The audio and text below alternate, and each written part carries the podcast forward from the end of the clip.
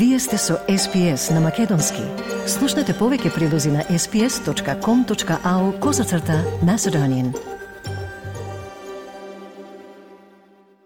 Вчера во Благоевград, Бугарија, беше отворен македонскиот клуб Никола Вапцаров – Иако имаше поголема група демонстранти што се против отворањето, самото отворање помина мирно бидејќи имаше силно полициско обезбедување и демонстрантите не можеа да се приближат до клубот.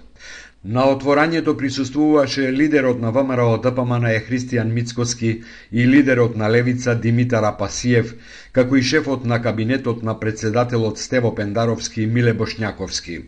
За медиумите изјави дадоа Мицкоски и Апасиев. Мицкоски рече дека е дојден да им даде поддршка на македонците од таа страна на границата. Да го поддржиме отварањето на новој клуб, да ги поддржиме нашинците, македонците од оваа страна на границата и да испратиме јасна порака дека ние сме македонци кои што зборуваат македонски јазик и доаѓаат од Македонија. Апасиев рече дека преку овој клуб очекува подобрување на односите меѓу двете држави. Очекувам подобрување на односите, затоа што во европска држава очекувано е да се почитуваат правата, за разлика од фашистичките клубови кои се отвараат во Македонија, ова е име на антифашист и на комунист. И од тој идеолошки аспект ние даваме целосна поддршка на ваквите клубови. Според анкетата што ја направи екипата на ТВ Сител на самото место, македонците што живеат во Бугарија се задоволни што се отвора ваков клуб. За нас е голема радост.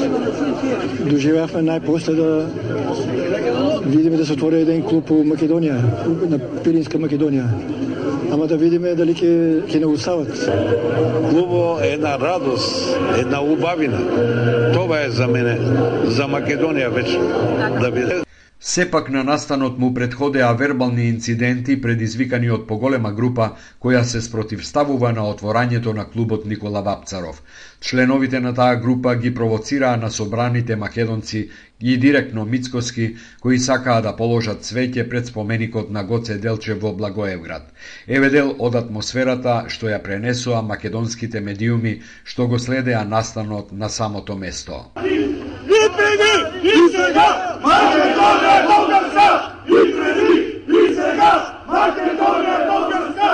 Кон Мицкоски беа упатени навреди. Тој беше наречен бугарски предавник. И тоа се предател, и он се предател. Србите ви дадат пари. Србите ви дадат моля. Што? Може стане? Може стане, Мицкоски предател. Еми мафте што ракат. Предател на Българија си ти бе. Шефот на кабинетот на председателот Миле Бошњаковски не сакаше да даде изјава. Тој само рече дека Македонија нема никакви територијални претензии. Од друга страна пак, европскиот пратеник од ВМРО Банада, партијата што го организира протестот Ангел Джамбаски, во отворањето на клубот гледа провокација.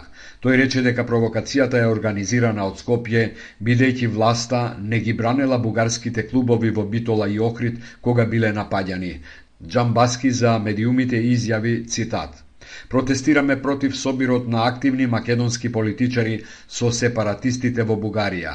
Луѓето кои стојат за овој клуб велат дека Бугарија е окупатор во Пиринска Македонија, дека Благоевград е македонски, изјави Джамбаски. Организаторите на отворањето на клубот Никола Вапцаров во Благоевград уште еднаш подсетија дека Бугарија 15 пати е осудувана од Европскиот суд за човековите права во Страсбур за забраната за здружување на македонците и дека тие само сакаат да бидат рамноправни со другите граѓани и да можат да кажат дека се македонци без да бидат навредувани за тоа. Премиерот Димитар Ковачевски вчера на пресконференција рече дека не присуствувал на отворањето на македонскиот културен клуб Никола Вапцаров во Благоевград, зашто предходно имал закажано седница на владата посветена на справување со енергетската криза. Тој изјави дека му е драго што македонските граѓани можат слободно да одат и да се радуваат на културниот клуб во Благоевград. Мило ми е што македонски граѓани вклучително и господинот Мицковски и господинот Апасиев, можат слободно да одат и да се радуваат на отворање на културен клуб во Бугарија.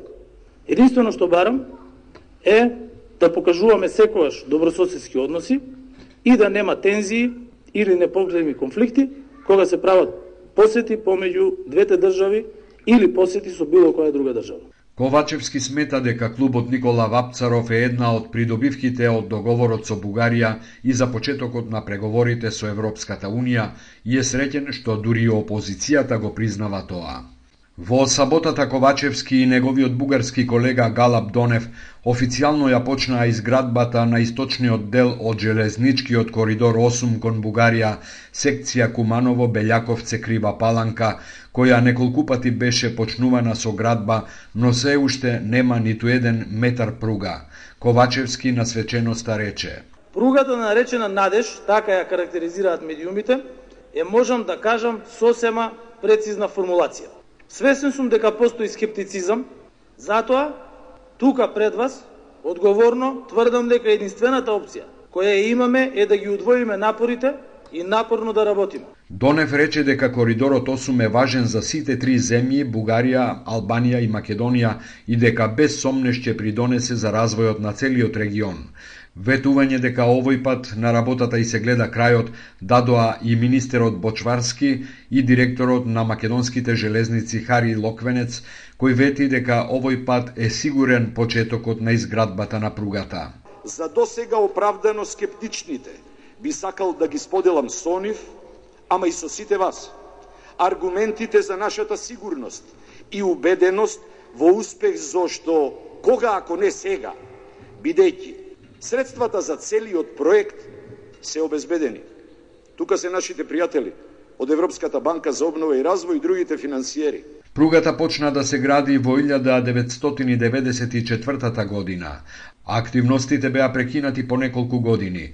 Процените се дека тогаш попусто биле потрошени околу 100 милиони евра. Потоа владата на Никола Груевски ги продолжи активностите во 2014-та, па повторно ги запре, а истото ветување го даде и Зоран Заев. Сега изградбата на овој дел од пругата е доверена на компанијата Штрабак, а на делот од Белјаковце до Кривапаланка на компанијата Дюлермак.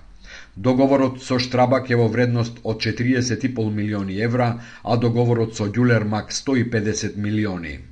Се множат барањата од страна на албанскиот политички блок за уставни измени. Партијата Алтернатива почна со консултации со другите партии, вклучувајќи ги и владеачките. Беса и Алтернатива се залагаат за внесување на албанскиот јазик без ограничување на со, како што велат, непристојната квалификација од 20%, а за се друго се подготвени да разговараат, но не и да условуваат.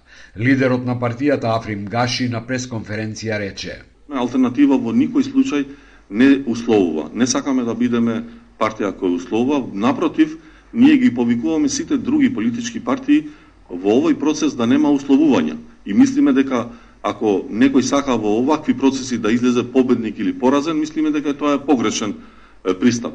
Дебатата за отворање на уставот тргна од барањето на Бугарија за внесување на бугарите во преамбулата на македонскиот устав. Потоа владата се согласи да се додадат уште неколку етнички заедници. Алијансата на албанците и Беса побараа бришење на изразот јазик што го зборуваат 20% од граѓаните и именување со терминот албански јазик. Премиерот Димитар Ковачевски на вчерашната пресконференција што се одржа во владата не одговори јасно дали се согласува при отворањето на уставот за вметнување на бугарите да се гласа и за отстранување на терминот 20% за албанците. Стиснете, ми се допаѓа, споделете, коментирајте. Следете ја SPS на Македонски на Facebook.